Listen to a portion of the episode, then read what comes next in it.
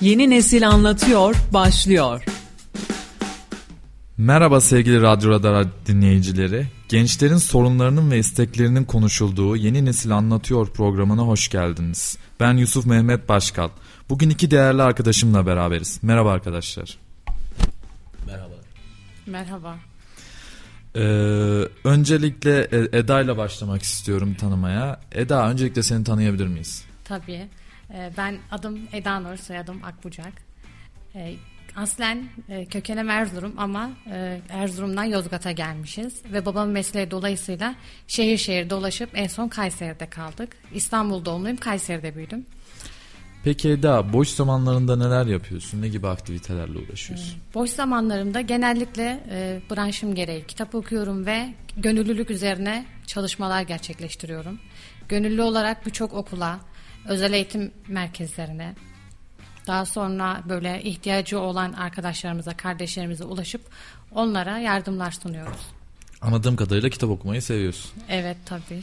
Peki şu anda okuduğun bir kitap var mı? Evet var. Bize birazcık bahsedebilir misin? Tabii bahsederim. Ee, Peyami Sefa'nın Şimşek e, eserinde okuyorum.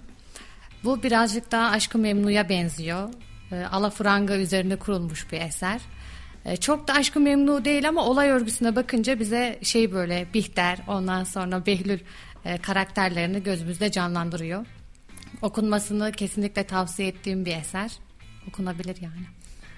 Peki biraz da Harun'a döneyim. Harun'u da tanıyayım ondan sonra tekrar sana döneceğim. Harun birazcık da seni tanıyabilir miyiz? Adım Harun Reşit Serbest. E, Kayseriliyim. Yeşilhisarlıyım. E, üniversite öğrencisiyim. Erciyes Üniversitesi Gazetecilik Fakültesi son sınıf öğrencisiyim. E, babam baba mesleğinden polis polis olduğundan dolayı Türkiye'nin çeşit çeşit illerinin hepsini gezdim. Konya, Erzincan, e, Sivas gibi illerde yaşadım. Peki Harun boş zamanlarında neler yapıyorsun? Boş zamanlarımda e, dizi izliyorum. Böyle e, anime diziler izliyorum. Biraz e, çocukluğumda kaldım. Hani çizgi film çizgi film tarzı diziler izliyorum. Ve kitap okumayı seviyorum. Toplumsal kitapları daha çok seviyorum. Toplumsal kitap. Peki Harun Tsubasa diye bir film var, dizi vardı, çizgi film vardı biliyor musun? Tsubasa'yı biliyorum tabii. Çocukluğumuz, çocukluğumuzu bitirdi yani. Peki e, Harun sence sen- sence ailede eğitim nasıl olmalı? Ailede eğitim. Aile tabii ki de hani e, lisans ya da e, ön lisans ya da lisesini okumalı ama yani onlar okuduktan sonra da hani toplumsal okul hani hayat okulu dediğimiz şey var ya hani o hayat okuluna da hayat okuluna da sahip olmalı. Hayat okulunu yaşamalı, içinde yaşamalı yani. Ben böyle düşünüyorum. Peki peki hayat okulunda hayat okulundan bahsettin. Hayat okulundayken insanlar neler yapmalı? Yani kendini geliştirmek adına neler başarmalı, ne yapmalı? Hani adab muhaşeret kanunu diyoruz ya adab adab adab kurallarımız var. Yani yaşlılara yaşlılara yaşlılara saygı, otobüslerde hani otobüslerde yer verme filan hani bunlar mesela insanın aklında aklında aklındaki şeyler yani cümleyi kuramadım şu an heyecanlıyım zaten. Heyecan yapmana gerek yok canım biz bizeyiz. Ee, şimdi şöyle e, o zaman birazcık Eda'ya döneyim senin heyecanında bastırsın. Eda e, ailede eğitim az önce Harun'a da sordum. Ailede eğitim sence nasıl olmalı? Bir çocuk nasıl eğitilmeli küçük yaştan bu yaşa kadar? E, ailede eğitim kesinlikle ebeveynlerin e, ben e, hani kendileri çocuğum bunu yapma demeleri ama kendilerinin o yapma dediklerini çocuğun önünde yapmaları e, burada bir zıtlık var. Aileler eğer evladının bir özelliğini ya da bir huyunu yapmasını istemiyorsa bununla örnek olmalı. Mesela kitap oku diyorsa ebeveyn oturup kitap okumalı ki çocuk gördüğünü yapsın. Ya da çocuk ebeveyn diyorsa sen sigara içme, kötü özelliklere bulaşma diyorsa ebeveyn bunlardan uzak durmalı ki çocuklar bunu örnek almalı. E, ailede eğitim kesinlikle e, çok çok üst seviyede olmalı. Çünkü toplumumuzun yapı taşları e, çekirdekten gelen o minik ailede başlayan eğitimlerden yükselerek geliyor ve bu e, minik kardeşlerimiz işte küçüklerimiz bizim geleceğimizi oluşturuyor. Bu yüzden aile ailedeki başlayan eğitim bizler için çok çok önemli. Çünkü o çocuklar bizim e, geleceğimizi, nesillerimizi devam ettiriyorlar, soylarımızı devam ettiriyorlar. Bunlar biz, bizim için çok önemli unsurlar. Ebeveynler e, bilinçlenmeli ve e, gelişim kesinlikle şunu düşünüyorum. Ebeveynler e, evlenilecek yaşa geldiklerinde ya da evlenmek için bir adım attıklarında e, belirli kurslara tabi tutulmalı. Mesela gelişim psikolojisi dersini almalı. Bir ebeveynin eğer saplantılı bir olayı varsa bunu aşmalı. Aşamayınca ne oluyor bu sefer? E, saplantılı ebeveynleri saplantılı çocuklar oluyor. E, bunlar da bizler için demek ki e, şöyle oluyor. Gelecek nesiller berbat, kötü ya da kendini aşamamış, belirli sorunları olan gençler demek oluyor. E, bunların hepsi bizim için önemli. Ee, mesela nasıl araba almak için ehliyete tabi tutuluyoruz? Ee, kesinlikle evlilik için ya da ebeveyn olmak için de böyle bir ehliyet olmalı. Ee, bize denmeli ki evet sen bu sınavı geçtin, sen bazı sorunları aşmışsın, aile kurabilirsin, e, yuva kurabilirsin, ebeveyn olabilirsin denmeli. Peki e, Eda çok güzel bir yere parmak bastın. Aslında bir evlilik için bir ehliyet olmasını söyledin anladığım kadarıyla. Peki bu eğitim konusuna tekrar dönecek olursak sence Türkiye'deki öğrenci olarak bir öğrenci olarak sana soruyorum. Evet. Türkiye'deki eğitimden memnun musun? Ee, Türkiye'deki eğitimden e, evet memnun değilim açıkçası. Çünkü e, neden diye sorarsanız ee, öğretmenlerimiz, e, bizlerin şu anki günümüzde çalışan öğretmenleri geleneksel eğitimle e, yetişip gelen öğretmenler bunların yerine artık çağdaş eğitimle e, eğitim gören ve kendini o şekilde geliştiren öğretmenlerimiz e, bizlere öğretmeli, bizlere yol göstermeli ki bizler eğitim için eğitimi daha faydalı bir hale gelip onlardan daha güzel bir e, verim alalım. Yani öğretmenimiz gelmiş e, yani ilkokula görüyoruz bunları. Öğretmenimiz gelmiş 70 yaşına torun sevecek ama emekli olmuyor. Emekli ol, yeni genç nesil gelsin, genç beyin gelsin ki öğrenciye verimli olsun, faydalı olsun. Ya aslında birazcık da öğretmenlikte hani tabii ki de öğretmenliğin yaşı olmaz aslında her e, yaştan öğretmenimiz var ama e, özellikle orta yaş üzeri 60-65 yaş üzeri öğretmenlerin yani günümüz çağında daha çok e, bilgi öğrettiği de bir gerçek aslında. E, evet yani tabii görünen ki. bir e, en büyük gerçeklerden biri bu. Ama tabii yeni öğretmenler kendini geliştirerek tıpkı bizim mesleğimiz gazetecilik gibi e, aynı şekilde öğretmenlik de böyle gelişimin sınırı yok aslında. Yani evet tabii ki de gelişimin sınırı yok. E, bu belki birazcık daha uyum sağlamakla e, alakalı olabilir. Çünkü onlar belli bir e, standart üzerinden eğitim almışlar. E, bizler şu an daha farklı bir şekilde eğitim alıyoruz. E, bunlara belki birazcık daha uyum sağlamakta zorlanıyor olabilirler. Yoksa tabii ki de öğretmenlerimizin e, verdiği emekler, bizlere öğrettiği bilgiler asla göz ardı edilecek bir durum değil. Peki e, gelecekte Türkiye için yapmak istediğin bir proje var mı? E, Hedeflerin evet. var mı? Evet tabii ki de var. E, benim kendi alanımda iki hedefim var. Ee, öncelikle KPSS'den tabii ki de atanıp öğretmen olmak istiyorum. İkincisi eğer öğretmen olamazsam e, baba mesleğini devam ettirip polis memuru olmak istiyorum. Ee, öğretmen e, olursam eğer YouTube'da bir proje var. E, Tabuta Sığmayanlar projesi. Bu projenin Milli Eğitim Bakanlığı'na aktarılıp e, rehberlik derslerindeki gençlere yani gençlerin aldığı rehberlik derslerinde oradaki e, her şehidimizin e, ya da her gazimizin hayatlarının gelecek nesillere aktarılması, öğretilmesi ve onların e, yaşatılmasını istiyorum. Böyle bir aklımda projem var. Aslında hani gerçekten güzel bir düşünce. Eğitim anlamında da olsun, kişisel gelişim anlamında da olsun gerçekten e, güzel bir proje. Gerçi inşallah bunu gerçekleştirirsin. inşallah. E, Harun'a döneyim birazcık da. E, Harun'cum e, bize 10 yıl sonra kendini nerede gördüğünü anlatır mısın? her gencin bir hayali var. Yani çocukluktan beri hani bir hayal kurarlar hani bir yerlere gelmek için. Ya bir işe bir iş için hayal kurarlar. Ya da yani sevgili falan varsa bunun için hayal kurarlar. Hani ben de kendi hayalim 10 yıl sonra ya, ya, e, gazetecilik okuyorum ben. İyi bir gazeteci olmak istiyorum 10 yıl sonra. Hani Uğur Dündar gibi bir gazeteci olmak istiyorum. Ee, onun bir hani şey var sucuk kasap kasap şeye avlıyor hani e, merdiven altı kasaplara falan baskın yapıyor. Onun, onun gibi olmak istiyorum ya. Sonra mikrofonla insanları dövme de. Ya şimdi tabii ki çok güzel bir şey gazeteciliğin biliyorsun ki e, hiçbir şekilde durdurağı yok. Yani gazetecilik gelişimi sınırsız. Belki bütün mesleklerde en top noktaya ulaşırsın ama gazetecilikte bu birazcık mümkün değil. Çünkü kendini sürekli geliştirmen gerekiyor. Peki kendini geliştirmek adına neler yapıyorsun? Kendimi geliştirmek adına yani diksiyon dersleri alıyorum kendim. YouTube YouTube'dan izliyorum. Kitaplar okuyorum. Yani çünkü kitap okuyaraktan kelime dağarcığı geliştirmek lazım. Yoksa herkes gazeteci olabilir. Fotoğraf çektikten sonra herkes gazeteci olabilir. Ama bunu nasıl yazacağını bilmesi lazım. Nasıl bir cümle kuracağını bilmesi lazım. Hani haber başlığını atması lazım. Bunun için çalışmalar yapıyorum. İki, iki senedir yani ulusal bir ajansta çalışıyorum. İki senedir. Burada haber yazımı hariç gerçekten hani çalıştığım yerdeki müdürlerin de dediği hani haber yazımı hariç öbürlerinde ben iyi, iyi, iyiyim diye düşünüyorum ya fotoğraf ve kamerada. Peki Duyuyorlarsa da buradan hani söyleyeyim onlara.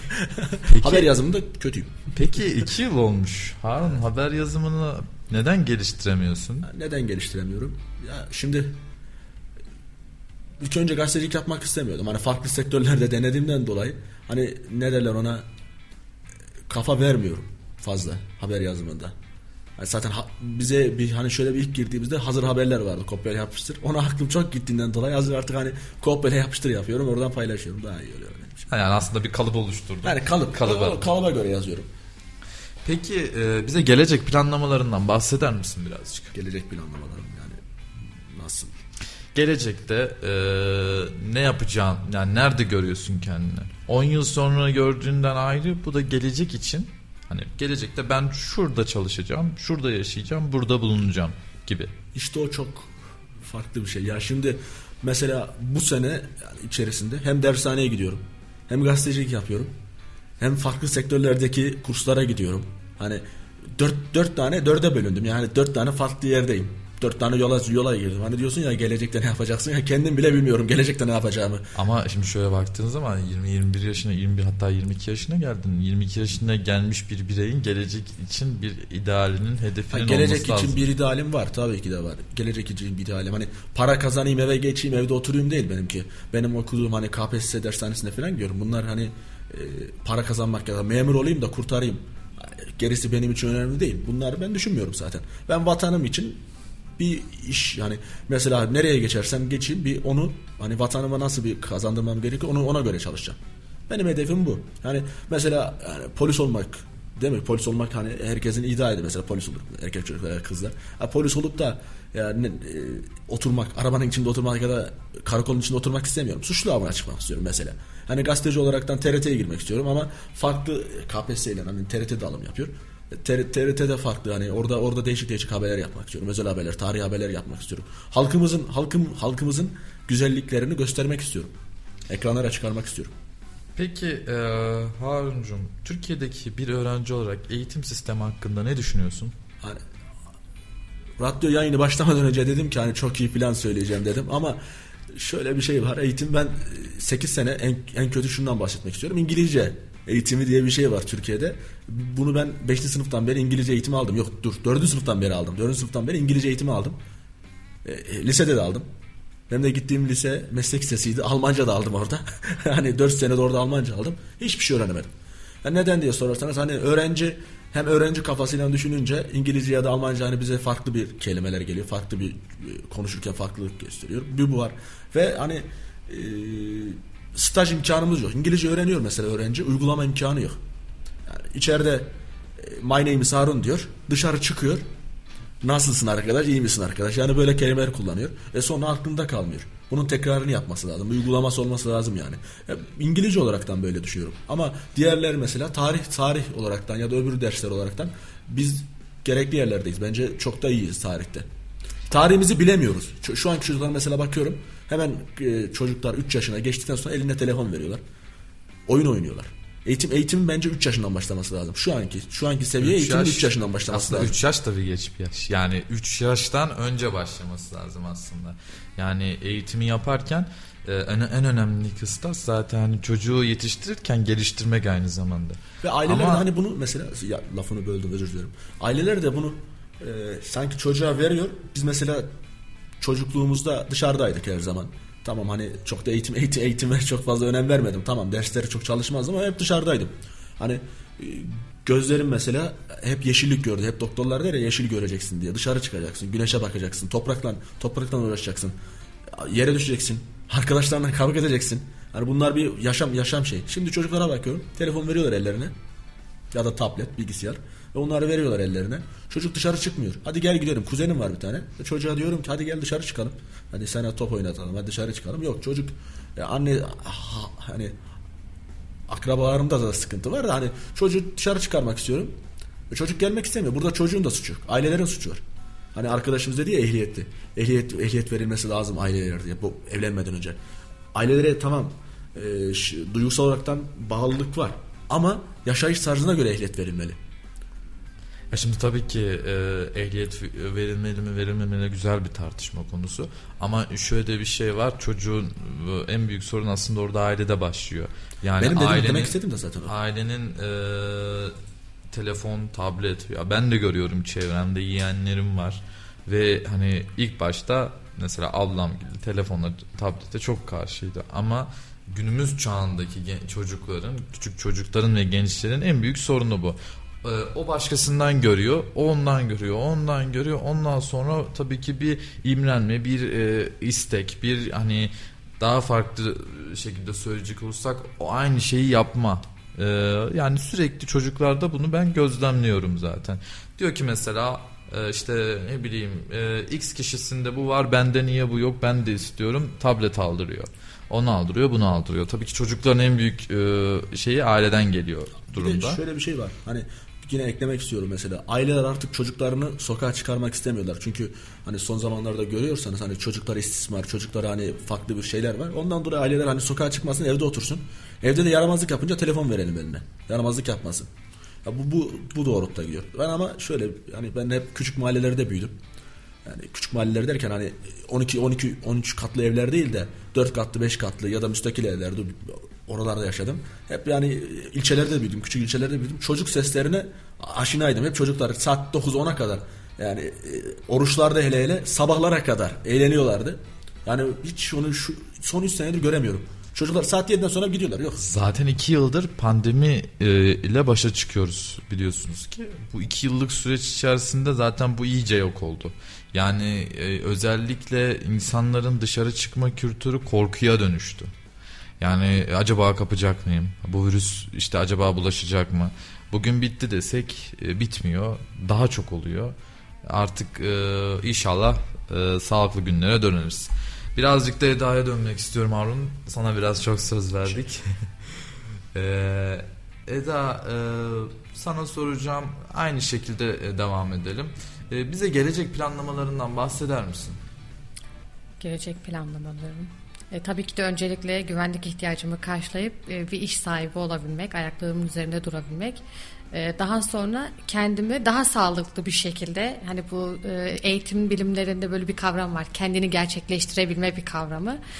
Sağlıklı bir şekilde bunu başarabildikten sonra kendimden sonrakine yani benden sonra gelen nesile ya da benden bir başkasına daha nasıl yararlı olabilirim? Ya da e, vatana millete daha fazla ne yapabilirim? Nasıl hizmet edebilirim? Bir başkasının hayatına nasıl dokunabilirim? E, mesela en güzel, e, en büyük hayalim doğuda öğretmen olup e, okumayan ya da okutulmayan hala kız çocuklarımız var. Her ne kadar 21. yüzyılda olsak da hani evet herkes okutuluyor desek de e, doğuda ya da köy yerlerinde hala okutulmayan e, bir sürü kız kardeşlerimiz var. E, hayalim e, gerçekleşmek istediğim e, onlara ulaşıp onları eğitime e, katabilmek, onlara hayatın daha farklı bir yönleri olduğunu gösterebilmek. Eğer bunu gerçek gerçekleştiremezsem de e, tabii ki de ikinci olarak hayalim polis memuru olup az önce de Harun'un e, verdiği örnek gibi e, yani birazcık daha arazide dolaşıp suçları yakalayıp ya da onlara o öyle değil de doğrusu bu gibi e, doğru yönelticilerde pekiştirişlerde bulunup onlara doğru yolu göstermek. Yani umarım tabii ki istediğin hedeflerine e, ulaşırsın ve başarırsın. E, tabii ki istedikten sonra başarılamayacak hiçbir şey yok aslında. Peki sence Türkiye'deki gençlerin e, sorunları, istekleri ya da memnun oldukları şeyler neler? Bir fikrin var mı? bu konuyla Evet, tabii alakalı? ki de var. Bence şu an e, gençlerimizin en büyük sorunu e, sürekli böyle bir asosyallik, insan içine karışamamak, e, toplumda kendine ait bir yer edinememek, kendine ait hissedememek. Mesela e, bazen öyle çocuklar görüyorum ki ya bu çocuk değil aslında bizim yaşlarımızdaki gençler için de ait bir e, sorun. Ait olamıyorlar. Yani evine ait değil, bulunduğu ortama ait değil. Bazıları oluyor ailesine bile ait hissetmiyor. E, bu aidiyet sorununu çözmemiz gerekiyor. Aslında bu diziler ve filmlerden kaynaklı. Yani bu bugün izlenilen diziler Avrupa kültürü, Amerika kültürünü şu anki gençler aslında daha çok e, kullanmaya çalışıyor. İşte geziyor tozuyor tabii gezsin tozsun ama Türk geleneğinde bir aile kültürü var. Yani e, aileyle beraber yemek yeme, sofraya oturma, aileyle birlikte sofradan kalkma bu tarz şeyler Türk kültürünün en önemli göstergeleri aslında. Tabii Avrupa'da ve Batı'da bu durum yok. Doğu'ya gittiğin zaman Doğu'da da yok. Yani sadece Türk kültürüne özgü aslında bu durum. Ee, kusura bakma lafını kestim devam edebiliriz. Ya, sorun değil. E, aslında güzel bir noktaya değindin. E, ailede hani e, sofrada birlik dedin. Önceden e, mesela baba gelince hadi baba gelsin de diğer aile bireyleri öyle otursun oluyordu. E, ama şimdi öyle yok çünkü neden? E, anne baba zaten evde. E, çocuk dışarıdan geliyor, okuldan geliyor ya da kurstan geliyor, arkadaşlarıyla geziyor, oradan geliyor. E, bu sefer ne oluyor? Çocuğun karnı aç, hadi sen otur ye. Baban gelince de baban gelir. E, o da ayrı yer oluyor. E, böyle olunca sofra kültürü birliği de oluşmuyor tabii ki. E, televizyon dedin. E, mesela evlerde ben mesela ev, evlerde televizyon olmasına da karşıyım. Evlerde televizyon olmamalı. Yani televizyona vereceğin maliyete e, bir kitaplık kur, kitap al, kitap oku. Evindeki ebeveyni örnek ol, evindeki başka bireylere örnek ol. Mesela ben uzun yıllardır hiç televizyon izlemiyorum.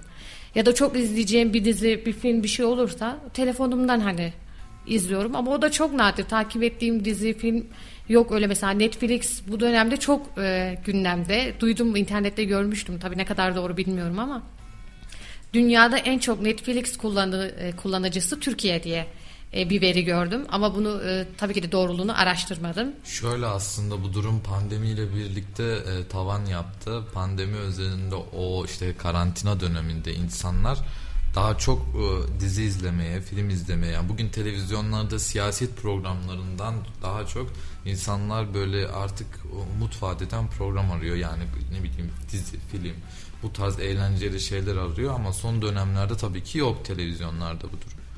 Ee, öyle olduğu için insanlar birazcık da interaktif medyaya, e, internet medyacılığına ve işte Netflix gibi başka platformlar gibi yerlere e, kaydılar. Bu da tabii ki televizyonculuğu birazcık düşürdü. Evde televizyon izlemeyi de düşürdü ama hani yine de tabii ki bu 10 yıl öncesinin televizyonu tabii ki şu anda yok. Eskiden daha güzeldi televizyon kültürü. Yani bilgi de alıyordun, eğleniyordun da. Evet doğru söylüyorsun katılıyorum ama şu an e, dediğin gibi e, şimdiki yapılan diziler de e, bir acayip yani böyle hiç bizim kültürümüze uygun olmayan e, bizleri temsil etmeyen diziler o yüzden hiç e, tasnif etmiyorum böyle şeyleri. Peki Türkiye'deki eğitimde eğitim sisteminde istediğin her bilgiye ulaşabiliyor musun? E, bence evet ulaşabiliyoruz. E, tabii burada şey önemli. Bilginin doğruluğu ya da e, yanlışlığı önemli. Hepimizin elinde birer telefon. Yani e, tabii ki de az önce Harun dedi ya 3 yaşındaki çocukların 5 yaşındaki çocukların elinde bile telefon var. E, hepimizin elinde bir telefon ve bir Google var, bir arama motoru var. E, doğruluğunu ya da yanlışlığını tartışmadan her bilgiye ulaşabiliyoruz. Yani bu Türkiye'de ay ben bunu bulamadım, buna ulaşamadım gibi bir sorun yok. Ha, internetten bulamadıysan e, kütüphaneler çok aktif. Ben e, bir kütüphaneyi aktif kullanıcı olarak e, söylüyorum. Bazen yer bulamıyorum mesela kütüphanede gidiyorum diyorum ki sabahın 9'unda gidiyorum gene yer bulamıyorum. Çünkü neden? E, gençler kalkıp gidip ders çalışıyor ya da araştırma yapıyor. Bu yüzden bence ülkemizde e, aradığımız her bilgiye ulaşabiliyoruz. Bizim e, şu an e, bilgiye ulaşmada bir sorunumuz ya da bir sıkıntımız yok. Peki şu soru benim için aslında çok önemli bir soru. Ee, sence beyin göçü engellenebilir mi? Beyin göçü yani gençlerimiz neden beyin göçü yapıyor? Ee, evet. Gençlerimiz neden beyin göçü yapıyor? Ee, bence burada gerektiği kadar e, değeri, önemi görmediklerinden dolayı gidiyor olabilirler. E, birçok arkadaşımdan da bunu duyuyorum aslında. E, mesela birçok e, öğretmenler olsun ya da hemşirelik olsun bu bölümleri bitiriyorlar. Daha sonra diyorlar ki ya burada hani duracağıma başka ülkeye giderim orada çocuk bakıcılığı yaparım hem ülkeyi de gezerim gibi oluyor ama bu bence öyle olmamalı. Ee, biz burada aldığımız eğitimin, mesleğimizin e, saygısını görmeliyiz ki biz oradan bir verim elde etmeliyiz. Bu yüzden de beyin göçü gerçekleşmemeli. E, şöyle bir TÜİK verilerine e, göz attığımda genellikle 25-29 e, yaşları arasındaki beyin göçü çok aktifmiş. Yani bu yaşlardaki bireyler daha çok göç yapıyormuş. Şöyle düşünüyorum. Bizden sonraki gelen nesil, e, bu gelen Z kuşağı diye adlandırdığımız nesil gerçekten cayır cayır geliyor. E, yani her şeyi biliyorlar. Şu an onlar her şeyin farkındalar. Tabii ki de bunu işlerine geldiği şekilde kullanıyorlar. Biz birazcık daha galiba böyle hani eski toprak eski kültür diyorlar ya sanırım Şöyle aslında bizim e, yetiştirildiğimiz dönemle tabii ki onlar e, farklı dönemde yetişti. Yani tabii ki 95-96 dönemi onun üzeri 2000'e 98'e kadar 99'a kadar olan dönemdeki yetişimle 2000'den sonra olan çocuklar tabii ki çok farklı. E, Zaten bunun örneklerini de şu anda e, yaşadığımız e, dönemde de görüyoruz. İşte Harun az önce bahsetti telefon, tablet bu tarz şeyler. Yani bugün telefon, tablet işte ailelerden örnek vereceğim. Bugün telefon, tablet vermem, asla vermem çocuğuma diyen geçmişteki ailelerin hepsi şu an sözlerini yiyorlar. Bu da tabii ki en önemli etken. Ya beyin göçü üzerinde konuşacak olursak bundan iki program önce ben iki arkadaşımı ağırlamıştım. Ee, birisi e, İsviçre'ye gidecekti, birisi de e, Slovenya'ya gidecekti. Bu arkadaşlarım işte artık Türkiye'deki eğitim sisteminin yeterli olduğunu fakat Türkiye'de iş bulamadıklarını ifade etmişti. Aslında e, e, yani öğrencilerin tek sorunu aslında şu anda iş kaygısı. Bugün günümüzdeki en büyük etken e, iş bulabilir miyim? Ben bu bölümü okuyorum, istediğim bölümü okuyorum, iş bulabilir miyim? Mesela birçok bölüm var üniversitede görüyorsundur. E, ve bu üniversitenin içindeki bu bölümlerde özellikle hani insanlar çoğu kişi e, farkındaysan iş bulamayacağını düşündüğü zaman okumak için okuyanların hepsi aslında işletme, iktisat gibi bölümleri tercih ediyorlar. Fakat mezun olunca baba mesleğini devam ettiriyorlar. Ama bu kadar şanslı olmayan insanlar da var ve bunun yanında işsiz kalan insanlar da var. Yani Türkiye'de işsizlik öğrenciler bazında çok fazla. Yani veriler ışığında konuşacak olursak. Ya tabii bu beyin göçünün aslında önüne geçilmesi lazım. Ee, gençlerin, bilgili geleceğin bilim adamlarının e, ülkede tutulması için gereken çalışmaların yapılması gerektiğine inanıyorum açıkçası. Peki e, 10 yıl sonra kendini nerede görüyorsun? 10 yıl sonra kendimi nerede görüyorum? Yani bazen öyle oluyor ki çok iyi iyi yerlerde düşünüyorum. Bazen böyle oluyor. Aa diyorum galiba ben hala evde oturup şu kitabımı okuyayım ya da bugün de şunu yapayım gibi geçecek diyorum. Ama şöyle olumlu düşünürsem e, 10 yıl sonra kendimi e, hayalini kurduğum meslekte ve e, bazı insanların hayatına dokunarak e, onların hayatlarında minik e, böyle değişiklikler yaparak e, iz bırakacağımı ve onları bir adım daha ileriye götürebilecek e, bir konumda görüyorum. Peki birazcık da Harun'a dönmek istiyorum. Harun birazcık seninle bir spor konuşalım. Aynı zamanda Eda ile de konuşalım. Ee, Harun şu anda yaptığın bir spor dalı var mı? Ya şu an yaptığım spor dalı hani böyle topa dokunuyorum arkadaşlarla ne olursa halı saha maçı. O yani farklı bir şey yaptığım yok ama yani spor dalı olaraktan izciyim. Milli bir izciyim. Türkiye İzci Federasyonu'na bağlı bir izciyim. Hani dağlara çıkıyorum. Yani arkadaşlar da yaptı evet selamımız da var. selamımız da var. Hayır hayır bu işte selam bu. yani mesela o dağlara çıkıyorum. Ee, izcilik öbür spor dallarına göre, göre daha böyle aktivite olaraktan daha iyi bence. Hani futbol oynuyorsun bir saat iki saat içinde bitiyor. Ama öbürünü mesela 3-4 gün daha çıkıyorsun. Çadırın içinde yaşıyorsun. Ee, şehirden uzak kalıyorsun. Yani de şu an mesela dedik yani çocuklar tab- tablet telefon. Bence çok güzel bir şey. Hani dağlara çıkmak ya da dağlar diyorum hani araziye çıkmak çok güzel bir şey. Yeşillik görmek, su görmek. Hani farklı farklı canlılar görmek, hayvanları hayvanların yanında olmak. Ateş yanacak ateşin ateşi nasıl yakacağını göstermek. Yani izcilik zaten budur mesela hani. İzcilik faaliyetleri mesela budur. Vatandaşlar yol göstermektir izcilik faaliyetleri. Mesela yangın çıktı. Yine biz İzci, İzci Fed- Federasyonu olaraktan yardıma gittik. Deprem oldu yine İzci Federasyonu. Çünkü çadır kurmak hani mesela biz çadır kurmayı bildiğimizden dolayı hemen yardıma gidiyoruz. Hani e, millete yardım etmek için izci olduk. Peki Vatandaşlar e, için. izciliğin ne, ne gibi zorlukları var? Yaşadığın zorluklardan bize bahseder Ya misin? Tabii izcilik- güzel yanlarından da bahsetmeni Ya istiyorum. izci, izciliğin ne gibi zorlukları var? Ben hiçbir zorluk yaşamadım izcilikte.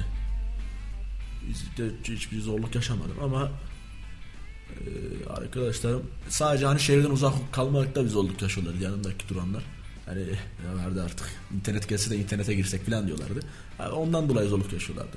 Yoksa bizim çok güzel hani vakit geçirebileceğimiz bir ortam izcilik. Arkadaşlara da tavsiye ederim. Aslında Türkiye'de tamamen federasyonu var ve Kayseri'de de bunu yapan 20 tane kulüp var. Aslında tamamen sosyalleşme adına da güzel bir şey yani az önce Eda da bahsetti telefon tablet gibi şeylerden uzak tutacak e, en önemli şeylerden biri. Peki Harun e, şu anda şeyi sormak istiyorum sana Kayseri'deyiz Kayseri'de yaşıyoruz Kayseri'lisin. Kayseri Spor hakkında ne düşünüyorsun? Kayseri Spor hakkında aslında ben Galatasaraylıyım. Yani çok da fanatik Galatasaraylı değilim de Galatasaraylıyım. Ya yaşadı, yaşadığımız hani babam polis memuru olduğundan dolayı Kayseri'liyiz aslında da. Yani babam polis memuru olduğundan dolayı sadece 5 sene ya da 6 senedir buradayım. 5-6 senedir buradayım. Yani Kayseri'de durduğum sene bu. Ondan önce hani Kayseri Sporu. Yani Kemal Sunal'ın filmi var ya hani köy yeni şehre. Bir o hani bir arada sırada Kayseriliyiz diye mesela Konya'daydı. Konya'da Konya Spor maçlarında Kayseriliyiz diye bizi böyle bir hani şey vardı. Yani o hareketi yaparlardı Kemal Sunal hani ıh ıh diye var ya. O hareketi yaparlardı. O yani Kayseri Spor'da benim de. Ama Kayseri Spor'u şu an nerede görüyorum? Bence Anadolu kulüplerinin bir yere gelmesi lazım. Trabzonspor onu başardı, Konya Spor onu başardı. Sivas çok onu başarmaya çalışıyor. Kayseri de bunu başaracak. Ona inanıyorum. Çünkü Kayseri'de yetişen futbolcular var. Genç ye- yetenekli futbolcular var. Amatör maçlarına gidiyorum hafta sonları. Süper amatör maçlarına gidiyorum. Çok güzel. Yani orada çocukları görüyorum. Yani yetişiyor, yetişebiliyorlar. Önlerinin açılsa aslında o çocuklar e, bu şehrimiz için çok iyi olabilecek. Mesela Barcelona'ya transfer oldu değil mi? Emre. Yani bu Kayseri Spor'dan yetişti. Emre Demir. Kayseri Spor'dan yetişti. Hani Kayseri Spor'dan bir ara çok iyi futbolcular yetişiyordu. Şu an mesela onlar çok durağan kaldı. Mesela Kayseri Spor'dan Mehmet Top, Mehmet Topuz, Hasan Ali Kaldırım, Umut Bulut. Bunlar hep Kayseri. Hani Kayseri Spor'da yetişmedi tamam ama mesela Kayseri'de geldi daha farklı bir yere gitti. Malatya'da ya adam 38 yaşında çok güzel oynuyor bence. Şu an oynasa yine oynar Umut Bulut. Yani tabii ki e, özellikle e, spor alanında e, tabii futbolu bir yere bırakacak olursak Türkiye'nin yeni sporculara ihtiyacı var. Türkiye'nin spordan daha çok kendini yetiştirmiş insanlara ihtiyacı var. Bu çok önemli bir etken. E, peki e, Eda'cığım sana e, sormak istiyorum. Şimdi bugün e, az önce şeyden bahsettim. Ben gönüllülük yapıyorum. Bir gönüllülük esasına dayalı bir yerde çalışıyorum dedim. Orada neler yapıyorsunuz? Bize birazcık bahsedebilir misin? Ne gibi faaliyetler yapıyorsunuz? Hani ruhlara dokunmayı, insanların ruhuna dokunmayı sevdiğinizi ifade ettin. Bunlardan bahsedebilir misin birazcık bize? Tabii bahsedeyim. Ee, öncelikle e, şurayı noktayı düzeltelim. Ee, gönüllü olarak çalışmıyoruz. Ee, gönüllü olarak e, yani oradan bir gelir elde etmiyoruz tabii ki de. Gönüllü olarak gidiyoruz. Ee, ne yapıyoruz? Köy okullarına gidiyoruz. Mesela köy okulundaki öğrencilerin e, deftere mi ihtiyacı var, kaleme mi ihtiyacı var? Biz onları e, bir şekilde sponsorlar sayesinde e, toparlıyoruz. E, Bizim mesela bir grubumuz var. Tabii ki de onu şu an e, hani adını söylemeyeceğim ama e, bir palyaço pa- kıyafetimiz var mesela. Onu giyiyor aramızdan bir gönüllümüz. O köy okuluna gidiyoruz. Köy okulundaki çocuk ilk defa palyaço görüyor. Ee, mesela dans müziklerimiz var. Onları açıyoruz. Çocuklarla beraber dans ediyoruz, eğleniyoruz. Yeri geliyor e, özel gereksinimli e, arkadaşlarımızın, kardeşlerimizin olduğu rehabilitasyon merkezlerine gidiyoruz. E, onlar çünkü birazcık daha e, kay- toplumdan ayrı eğitim gördükleri için onların da e, hani bir birey olduklarını hissetmesi gerekiyor. Gidip birazcık daha onların hayatlarına dokunuyoruz. Ee, Bundan iki yıl yani pandemiden önce huzur evine gidiyordum. Ee, tabii ki de pandemiden dolayı gidemiyorum. Ee, mesela oradaki e, bir sürü dedelerimiz var. İşte an- anneanneler, babaanneler var.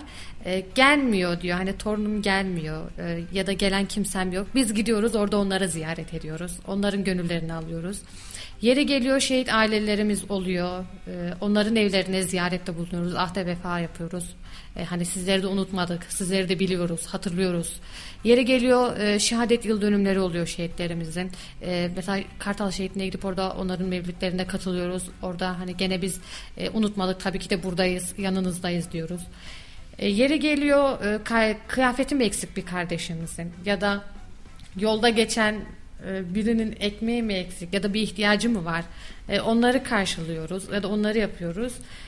Bence gönüllülük güzel bir faaliyet. Camın önüne kuşlar yesin diye koyduğum bir ekmek bile gönüllülüktür. Çünkü orada da gönüllülük bence böyle ulusal bir kavram. Hani din, dil, ırk ya da canlı, cansız varlık ayırt etmeden onlara dokunabilmektir. E, camın önüne bir ekmek koyduğunda bile e, bence birey artık gönüllü olabiliyor. Bunları yapabiliyor. Bunun dışında gönüllülük e, üzerine mesela eğitimler veriyoruz. Ankara'da gidip eğitim aldık geldik mesela biz bunun üzerine. Kayseri'de bunun eğitimini veriyoruz. Ne yapıyoruz? İşte burada gönüllülük nedir? Nasıl olunur? Ya da bir STK'ya gittiğinde nasıl davranmalısın? Senin nasıl sorumlulukların var? Karşındaki bir kişiyi incitmeden e, onun hayatına nasıl nasıl dokunabilirsin? Ya da onun yarasını daha fazla deşelemeden, e, ona daha fazla acı vermeden ona nasıl böyle yardımcı olabilirsin? Bu şekilde onları bilinçlendirmeye çalışıyoruz. Aslında aslında gönüllülük e, en önemli esas aslında insanları mutlu etmek dediğin gibi ruhlarına dokunmak. E, onlara e, nasıl insanlar olduğunu aslında kötü olarak değil iyi olarak onları dünyaya bağlamak gerektiğini ifade eden bir şey. E, tabii ki ben e, gönüllülüğü, e, gönüllülüğü çok seve, seviyorum ve hani destekliyorum da tabii ki bu durumda. Çünkü insanların birçok şeye ihtiyacı var. Günümüz Türkiye'sinde geçinemeyen, e, işte ne bileyim işte evin evinde barkında yaşayamayan, üşüyen ya da ne bileyim ısınamayan, e, evleri kötü durumda olan birçok insan var. E, bunun yanında tabii ki bahsettiğin köy okulu var. Bir sürü işte 3 tane sınıf var. 150 tane öğrenci var. Bu öğrencileri mutlu etmek gerçekten çok önemli. Hani biz tabii ki kendi aramızda bir şeyler yapıp e, eski zamanlarda yani bundan bir 5-6 yıl önce 5-6 arkadaş bunu yapıp gönderiyorduk. Tabii ama bizim yaptığımız nereye kadar? Tabii ki hani bütün vatandaşların böyle durumları tespit edip yardım etmesi gerekiyor bizim e, kökenimizde yardım kültürü çok önemli açıkçası. Peki son olarak şeyi sormak istiyorum. Pandemi döneminde neler yaptın? Pandemi döneminde neler yaptım? E, bu kapanma sürecinde tabii ki de uzaktan eğitime geçtiğim için e, sürekli bir makale yazma, bir e, eser inceleme, roman inceleme onların e, içerisindeydim. Onları e, hani incelemekle geçti. Daha sonra biraz e, hani pandemi süreci biraz açıldı. Bisiklet sürüyordum zaten hani önceden de.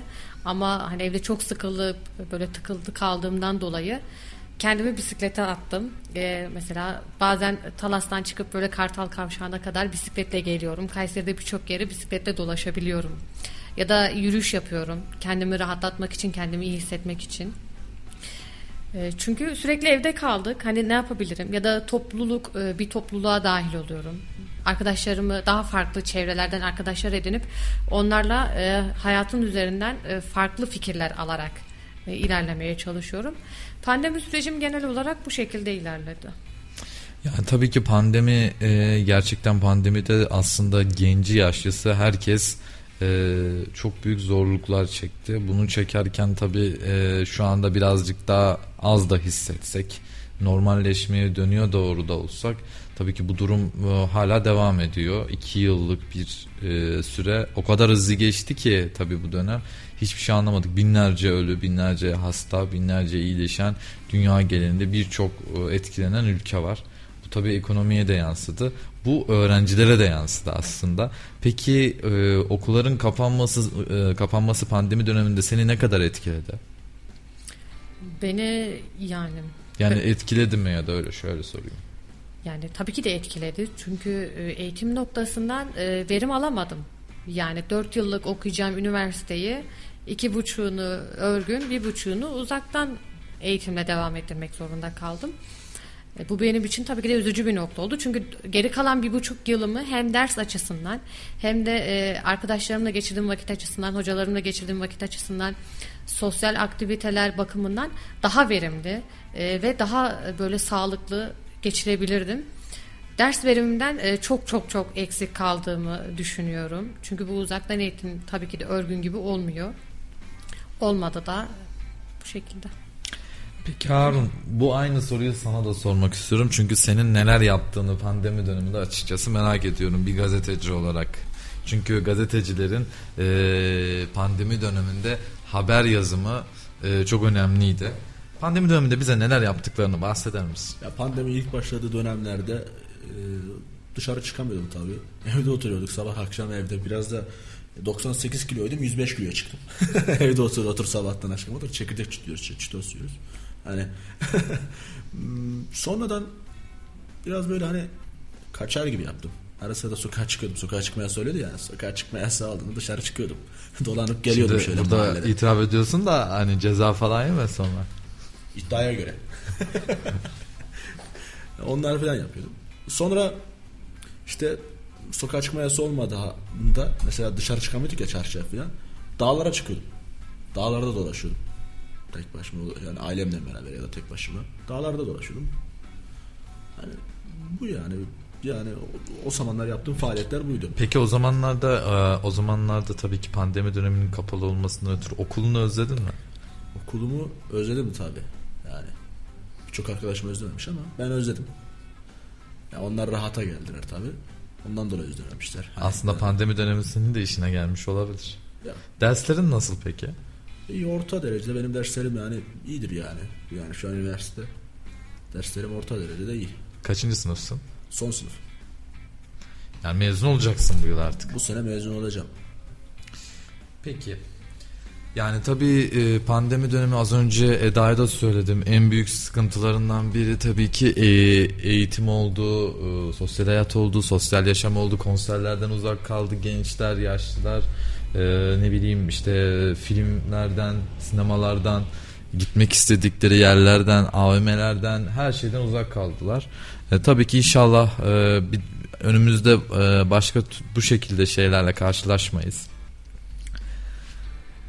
Ee, evet sevgili Radyo Radar dinleyicileri Yeni Nesil Anlatıyor programı burada sona erdi. Bir sonraki hafta başka iki kişiyle görüşmek üzere. Hoşçakalın, sağlıklı kalın.